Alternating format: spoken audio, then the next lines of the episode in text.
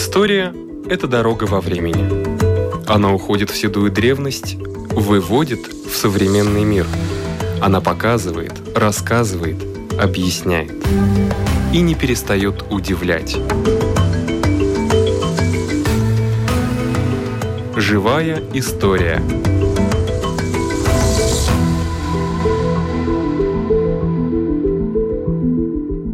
У микрофона Лидия Чера.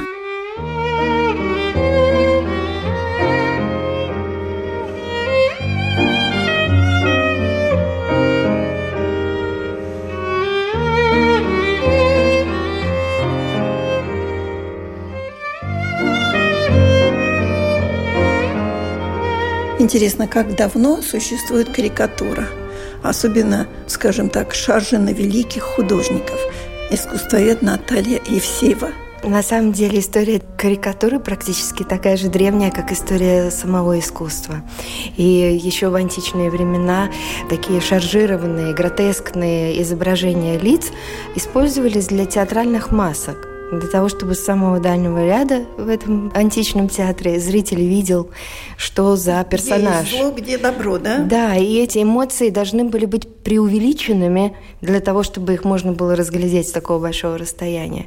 И постепенно получается, что сам по себе метод карикатуры сохранился и стал универсальным, преувеличивая, искажая, сравнивая с неожиданными какими-то формами. Так э, и рождались вот вот эти вот карикатурные, гротескные, шаржированные изображения людей. И другой момент, что в начале, в античные времена, универсальным содержанием для всех карикатур была мифология, и, как правило, да. народ смеялся над этими античными героями. И в богами. Да, в разных ситуациях изображенными. А позднее мифология изменила христианство, и юмор стал дидактичным, то есть поучать должен был, показывать как надо и смеяться над тем, что плохо и то, что не надо. Но сам принцип карикатуры, что содержание должно быть универсальным и понятным – иначе тебе не будет смешно. Он, по сути, не изменился до наших дней. И вот когда мы смотрим какие-то карикатуры того же 19 века или даже древнего времени, если мы не знаем контекста, не всегда мы можем понять, а что же здесь смешно. Помимо, скажем, какого-то преувеличенного изображения человека, который сам по себе может выглядеть забавным, иногда объектом юмора становятся какие-то события без реконструкции контекста, которые мы не понимаем. А если говорить лубок, например, такая российская живопись, это тоже уже какого-то рода карикатуры? Народное творчество близко к самому жанру карикатуры. И сам, опять же, принцип смеха. Смех помогает преодолевать какие-то жизненные проблемы. Ну, что говорить, это тоже такой жизненный принцип универсальный. И смеясь, над каким-то ну, опасностью, над чем-то, чего ты боишься. Тем самым человек преодолевает этот страх. И лубочная живопись, если так можно сказать, народная, она тоже использовала те же методы. И была очень востребована у обычного населения за счет этого. Да, но это было в России. А как, например, во Франции, в Италии, где такие мастера художники жили, их тоже высмеивали? Сам принцип вот этой лубочной народной живописи или изображений таких, в каждой стране есть э, свои такие а лубки. Но это, опять же, повторюсь, распространенное явление. Но в каждой стране могли быть свои какие-то, ну, специфика своя. Скажем, античность э, оставила такой глубокий след в Италии. Я упоминала эти античные маски, и в частности, вот комедия дель арте, которая использует именно типажи и маски типажей конкретных, также берет корни свои в античном театре, и сам принцип, опять же, карикатурированного изображения, преувеличенного, гротескного персонажа, также в комедии дель арта используется как основной. И различного рода, вы говорите про художников, если да. мы говорим о художниках, и сами художники делали такие гротескные головы. Взять того же Леонардо, одни из таких старых сохранившихся свидетельств интереса к карикатурированным изображениям. и другие художники, и французские, и итальянские, все интересовались этим жанром и в XVI, и в XVII веке, кто-то больше, кто-то меньше.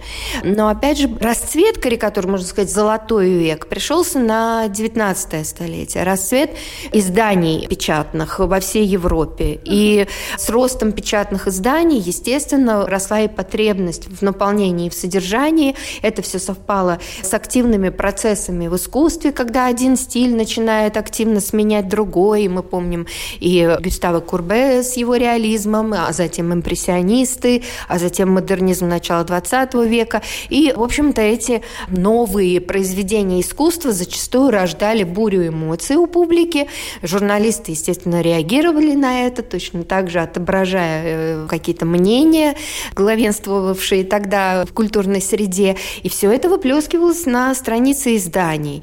Большое количество карикатур посвящено и самим конкретным художникам, шаржированных их изображениям, и карикатурам их картин. Взять тоже, например, известную Олимпию Эдуара Мане, над которой так много и сильно смеялись, или картины Гюстава Курбе, над которыми тоже потешались. И позднее модернисты тоже высмеивались в разного рода карикатурах. И это все не считая того жанра политической карикатуры или каких-то общественных явлений, которые, опять же, отображаются в карикатуре. Но сам по себе вид искусства этот, на самом деле, очень консервативный.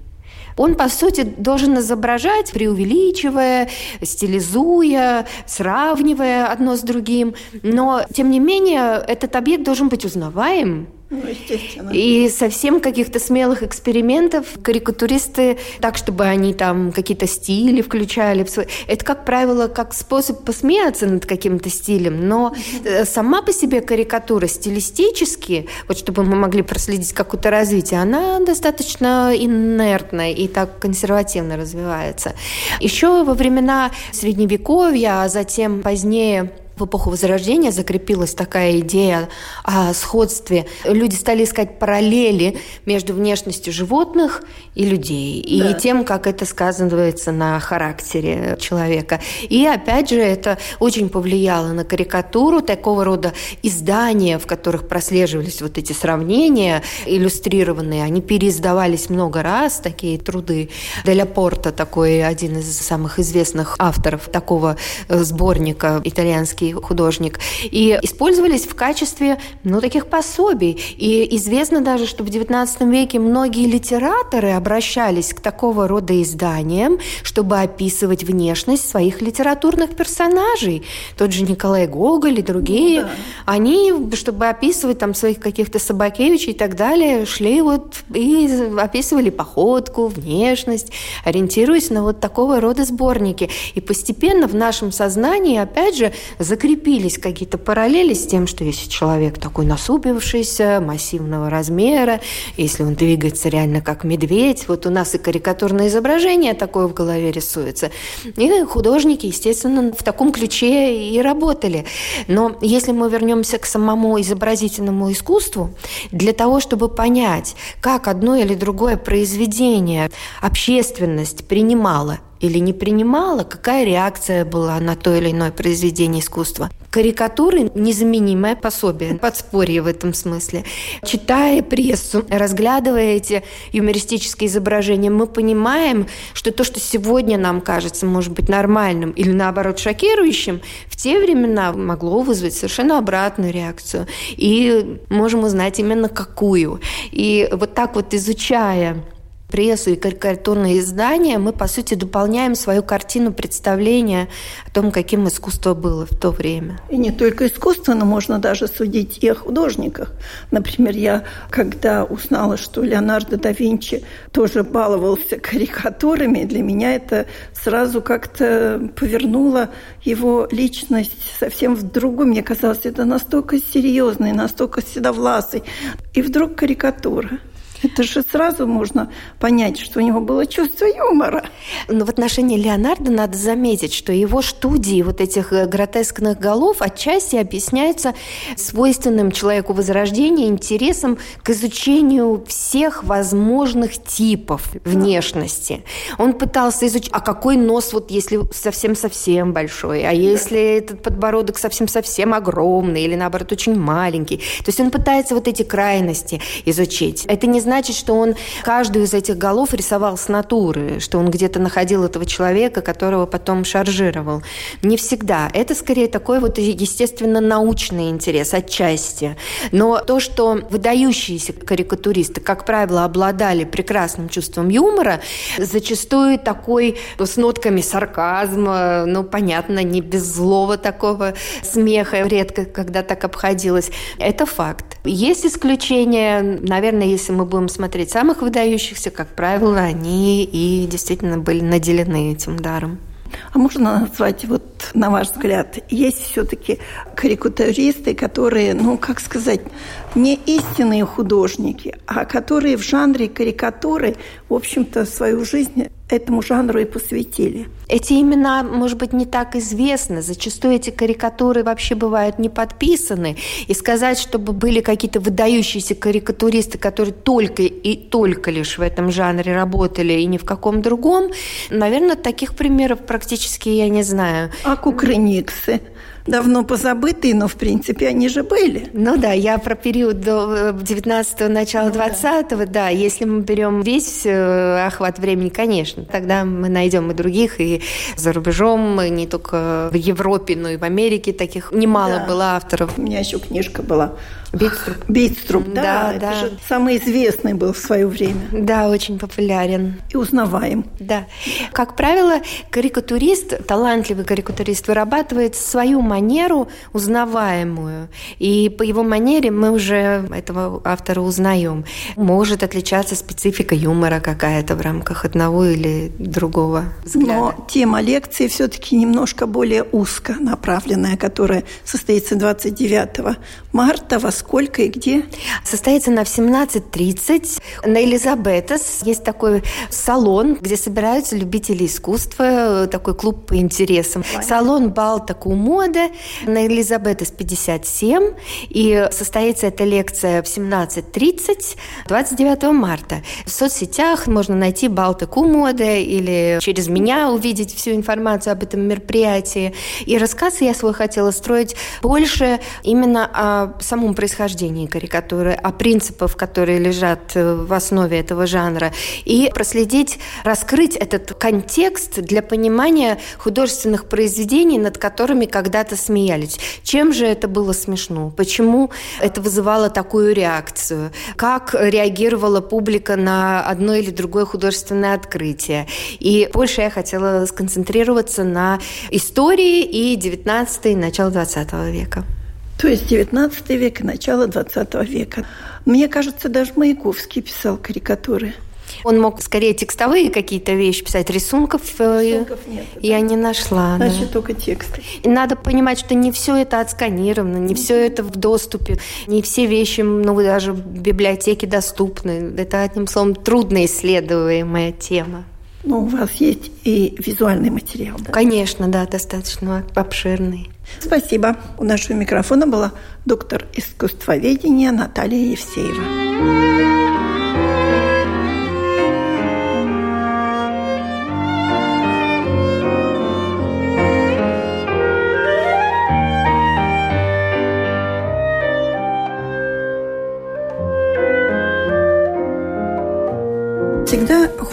Хочется узнать больше о нашей любимой Риге. Вот, например, статую, которую поставили на берегу Даугаве. Это статуя Христофора с ребенком на плече. А что она символизирует? У нашего микрофона в нашей студии доктор исторических наук, доцент факультета истории и философии Латвийского университета Мартинч Мейнтаурс. Вы знаете больше. Да, то, что вы упомянули эту статую святого Христофора, которая сейчас находится на берегу реки, лицом к Даугаве, она действительно является как одной из примет или достопримечательностей Риги. уже с древнейших времен, и первые сведения об этой статуе мы имеем в Риге с конца 17 века. Она там и стояла? А, она стояла в другом месте, надо признать. Она стояла примерно там, где сейчас находится улица 13 января, у так называемых Карловских ворот, которые там были вплоть до середины XIX века, когда снесли все укрепления Рижской крепости, старого города, и тогда эту статую перенесли сперва на другое место, то есть поставили так же, как она стоит сейчас лицом к реке, но она стояла тогда, в конце XIX века, возле э, городского канала, там, где сейчас центральный рынок. Там еще в средние века на этом месте находились так э, называемые пеньковые весы, то есть там было место, где разгружали товары из струк, которые шли вниз по Даугаве к Риге с разного рода товарами. Там как раз разгружали тот товар, который был связан с судоходством, то есть когда привозили пеньковые вещества, из которых делали потом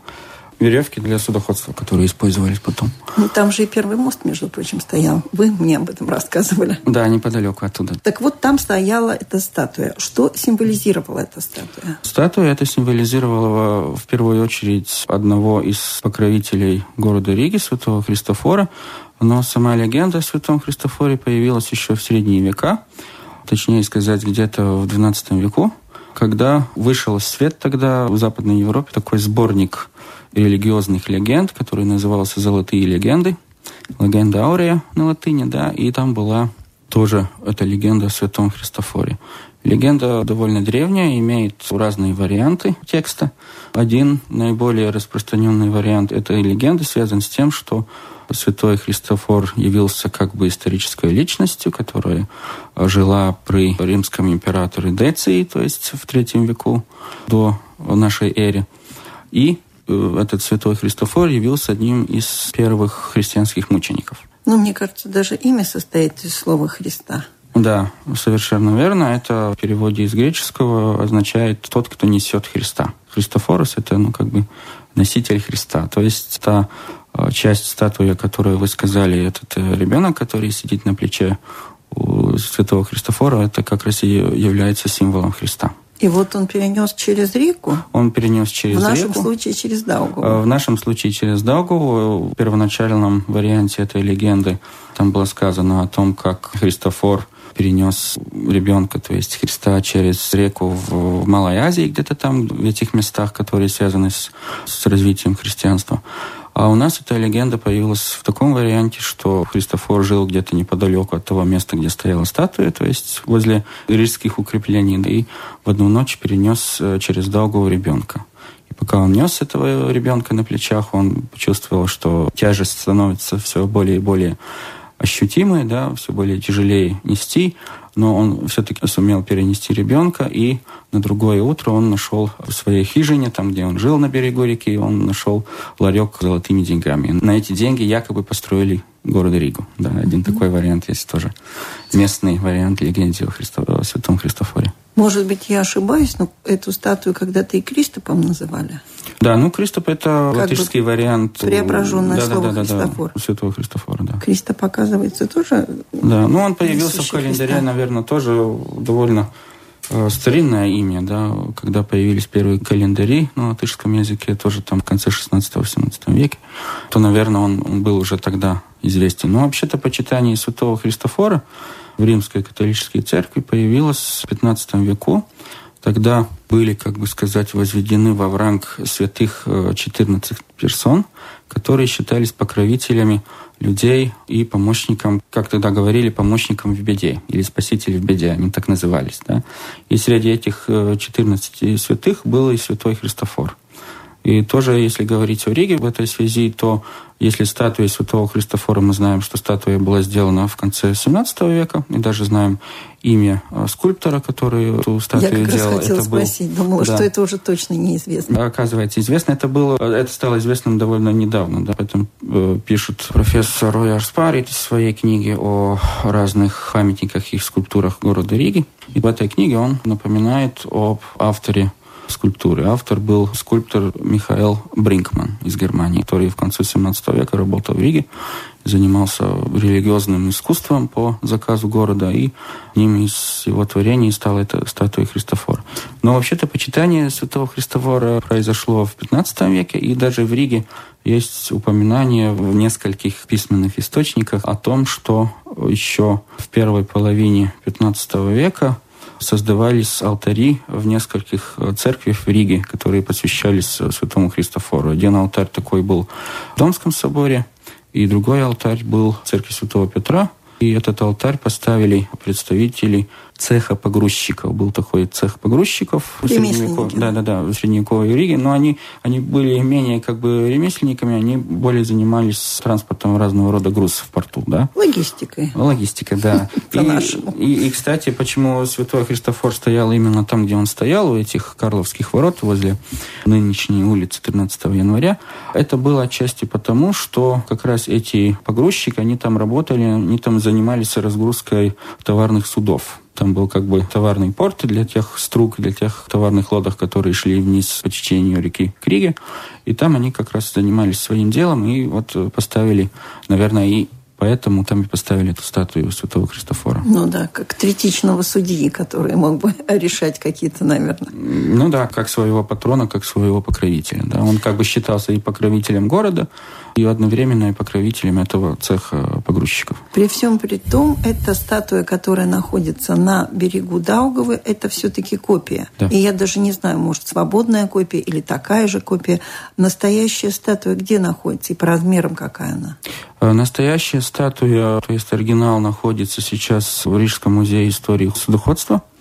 И это действительно оригинал, хотя бы отчасти, потому что статуя пострадала от времени и от, как писалось в прессе XIX века, от несознательной молодежи тоже. да. И статую эту перенесли с берега реки в музей в 1923 году. Именно потому, что эта статуя уже была пострадавшей во времени Первой мировой войны и после Первой мировой войны. Чтобы сохранить эту статую, ну, э, ее перенесли в тогдашний Домский музей. Ну, понятно, 20-е 30-е годы в Риге были довольно шумными. Да. Но есть и упоминания в прессе, к примеру, о том, как представители студенчества когда-то в 20-е годы сделали такой, как сегодня сказали бы, перформанс, то есть заказали извозчика, взяли эту статую из берега Долгова и повезли на извозчике через, э, через реку в Пардолгову, да, где-то там оставили по дороге, да, и чтобы сохранить как раз этот памятник, его перевезли в музей. И статуя довольно огромная. Статуя э, оригинальная? Э, статуя оригинальная, то есть большая часть этой статуи сохранилась как раз от конца 17 века. Некоторые части, там рука и нога и другие части тела, они были еще подремонтированы позже, в XIX веке. Но после того, как статую перевели в, в музей, ее отреставрировали уже после Второй мировой войны. И статуя довольно огромная, высотой 2 метра 36 сантиметров. Ну и стоит на набережной тоже такая большая статуя. Да, Я, конечно, не то, знаю, там 2 метра 36 да, да, или да, да, это очень как похоже. раз, как вы правильно сказали, это как раз копия того оригинала, который сейчас находится в музее. И копия эта была сделана во время подготовки юбилея 800-летия города Риги еще в конце 90-х годов, в 97 году. И можно тоже сказать о том, что когда была сделана копия этой статуи Святого Христофора, то сперва эта статуя находилась не там, где она находится сейчас, но с 97 по 2001 год эта статуя была в, в музее Даугавы, который находится не в Риге, а на острове Туолос. Поэтому никто практически не видел. Только да, те, ну, кто те, бывали. кто посещали музей, да, она, она там хорошо смотрелась в нашем музее. По правде сказать, не, не очень хотели-то с ней расставаться, потому что там тоже тематика довольно совместимая с легендой Святого Христофора и со всем э, тем, с кем была эта статуя связана. Да. Ну а потом поставили уже в 2001 году, поставили так же, как она стояла когда-то в 19 и 18 веке, в такой же небольшой будке, да, на берегу реки. И я так поняла, чтобы современная молодежь ее не перевезла на другой берег, поставили стеклянный купол да. сверху, да. чтобы тоже ее каким-то образом охранить. Ну, там в оригинальном варианте там была решетка, которую со временем сломали, да, в 19 веке, когда статуя стояла. Ну, нет, решетка все-таки. Купол лучше. Купол лучше, да.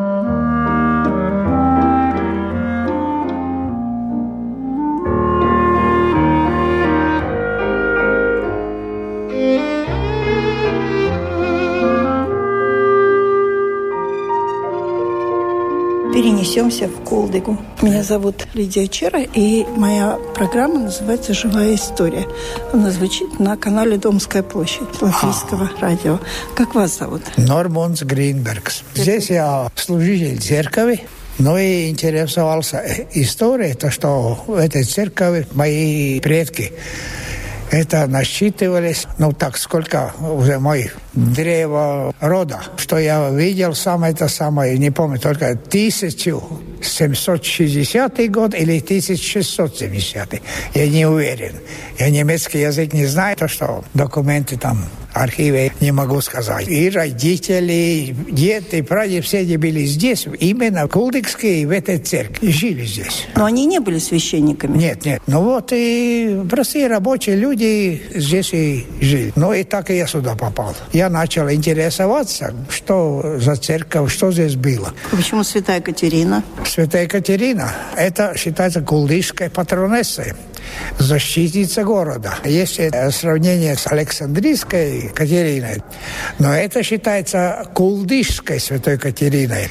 А это целая легенда, почему именно Катерины. Катерина была маленькой девочкой, сирота, воспитала ее старая монахиня. О каком времени идет? Это речь? примерно конец 12 века и начало... Средневековье. Э, средневековье, да. Или 13 век, нач... как самое начало. называлась в 12 веке? Кулдига называлась Голдинген. Кулдига – это три, третье имя. Первое было Иисусбург, второе Голдинген и сейчас Кулдига. Там тоже легенда. Может быть, это Голдинген по-латвийски переведен. То, что здесь раньше жили 46% немцев. Но есть еще курши жили везде кругом. Тогда на их языке есть слово «кулдинг», которое означает «хорошее место торговли». Может быть и так, а может быть и нет. Не знаю. Голдинген – это золотое место и подобное. Так, да. Такое, ну, да. а теперь вернемся к Катерине. Это Катерина. Она научила это старой монахи нам вышивать и ручные изделия. Ну, и пришло время, эта старая монахиня умерла. Девочка ничего не оставила. Но она так что плести и все вышивать, она этим зарабатывала, чтобы в городе построили церковь. Она ходила к этим рыцарям и городским властям. Те говорят, что это не первое такое. Есть дело поважнее. Ну, так она росла красивая девушка. Ей кавалерия. Ну, она сказала, мне кавалерия есть и всем отказывала. Но никто не догадался, что это Господь Бог. Пришло время, ее оклеветали, ведьма. Сами знаете, что в средние века с ведьмами разговор был короткий. Ее арестовали. Перед арестом она передала деньги, накопленные, передать одному священнику чтобы построить церковь. То есть Катерину оболгали и сказали, Да, Катерину что она оболгали, а. да, что она ведьма. Ну и присудили ее казнить смертной казнью. Жечь на костре. Да, тогда, и на да. костре, и сжечь, и мучить, и все так прочее. Пришел день казни, два палача, там костер и этот колесо.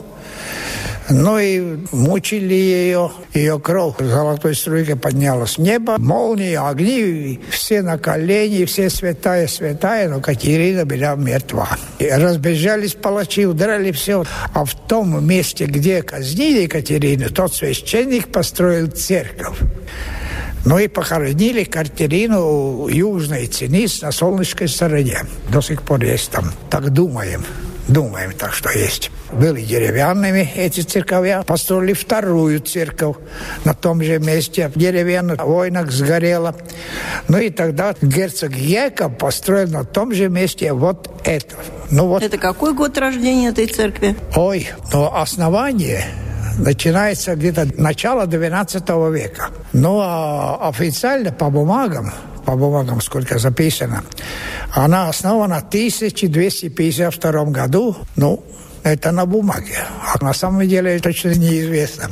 Но и разные сведения есть, что именно герцог Яков строил это, начиная с 1624 года до 1655 года. Но конкретно, когда неизвестно.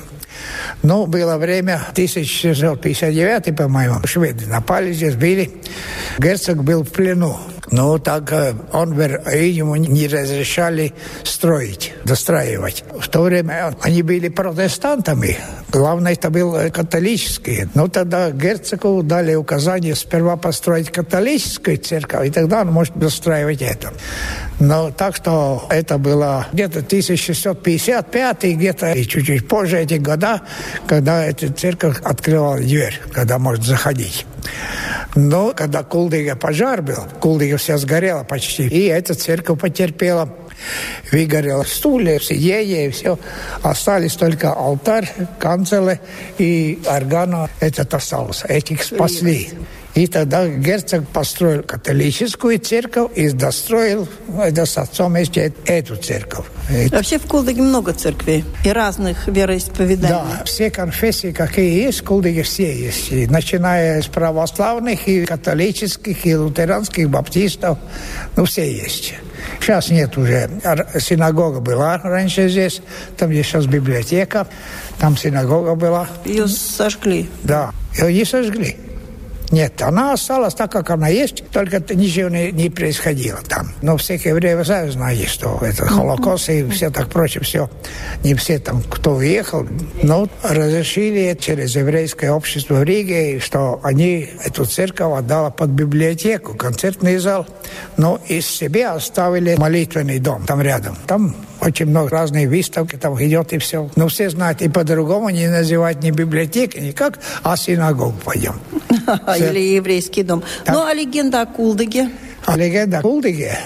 Кулдык очень старинный город. Раскатерию здесь казнили. Так, может быть, здесь мы ходим, и здесь она и есть. И, может Дух быть, ее, скажем так, да? Да, где-то 12 век, где-то это 1100 какой-то год.